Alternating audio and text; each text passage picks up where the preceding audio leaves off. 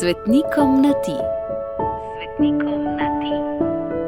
Razmišljanje Gregorja Čušina. Ljuba moja sveta Katarina de Gaguita. Kot otrok sem od vse rad prebiral tako imenovane indijanarice, zgodbe z ameriškega divjega zahoda, večinoma izpod peresa Karla Maja. In nisem bil edini.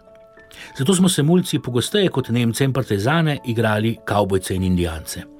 Kar je pravzaprav eno in isto, le imena vlog so različna. Po vseh pretečenih letih pa ugotavljam še eno reč, ki povezuje te dve igri.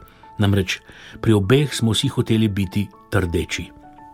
In tudi trdeče iz obeh iger nekaj še dodatno povezuje, kar je bil mimo grede pomemben razlog, zakaj smo si prizadevali biti rdeči.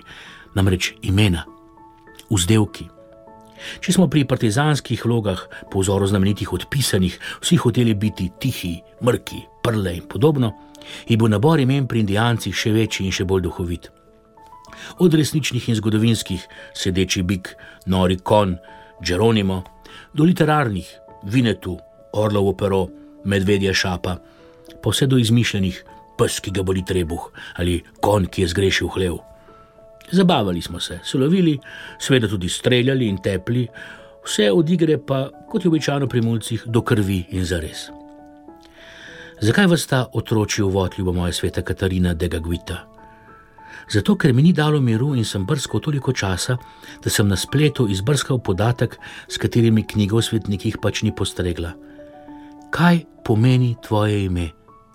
Ne Katarina, to ime si dobila pri krstu in pomeni čista, to vem ampak degaguita. Ker nekaj pač mora pomeniti, toliko indijanskih knjig sem pa vendarle prebral, da to vem. In pomeni tista, ki se zaletava. In seveda pomisliš, zakaj bi starši svojemu otroku nadeli tako nenavadno ime. A mislim, da tudi to ni tvoje pravo ime. Ker ti v življenjepisu berem, da ti je, ko si bila stara štiri leta, epidemija črnih kos vzela starše in brata, Tebi sami pa je bolezen močno iznakazila obraz in ti oslabila vid. Sklepam, da te je stričeva družina, ki te je siroto posvojila, preimenovala v tisto, ki se zaletava, ker si se na pol slepa pač zaletavala vse okoli sebe. Tvoja mama je že bila krščena, tvoj oče pač ne, a ti si se v nekakšni otroški slutni vrgla po mami in krepenela po neznanem in neizrekljivem, ki si ga v hipu prepoznala in sprejela, ko je v vašo vas zašel krščanski misionar.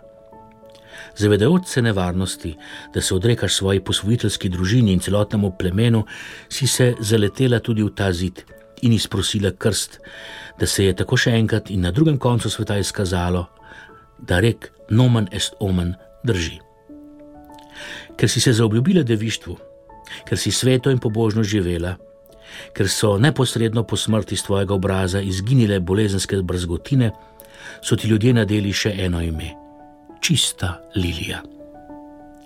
Ljuba moja sveta Katarina, ki se zaletavaš, obilo žegna ob tvojem godu, pa nam ga vrni in izline nas, da se ne bomo preveč zaletavali, oziroma da bomo za prave in svete reči šli tudi z glavo skozi zid. Gregor.